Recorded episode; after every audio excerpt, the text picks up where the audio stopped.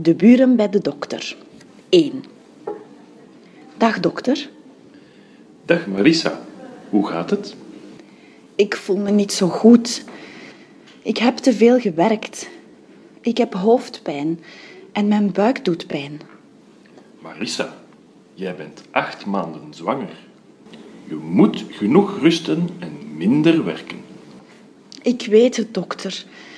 Maar er is veel werk in het restaurant. Pablo kan niet alles alleen doen. Dat begrijp ik. Maar te hard werken is gevaarlijk voor je baby.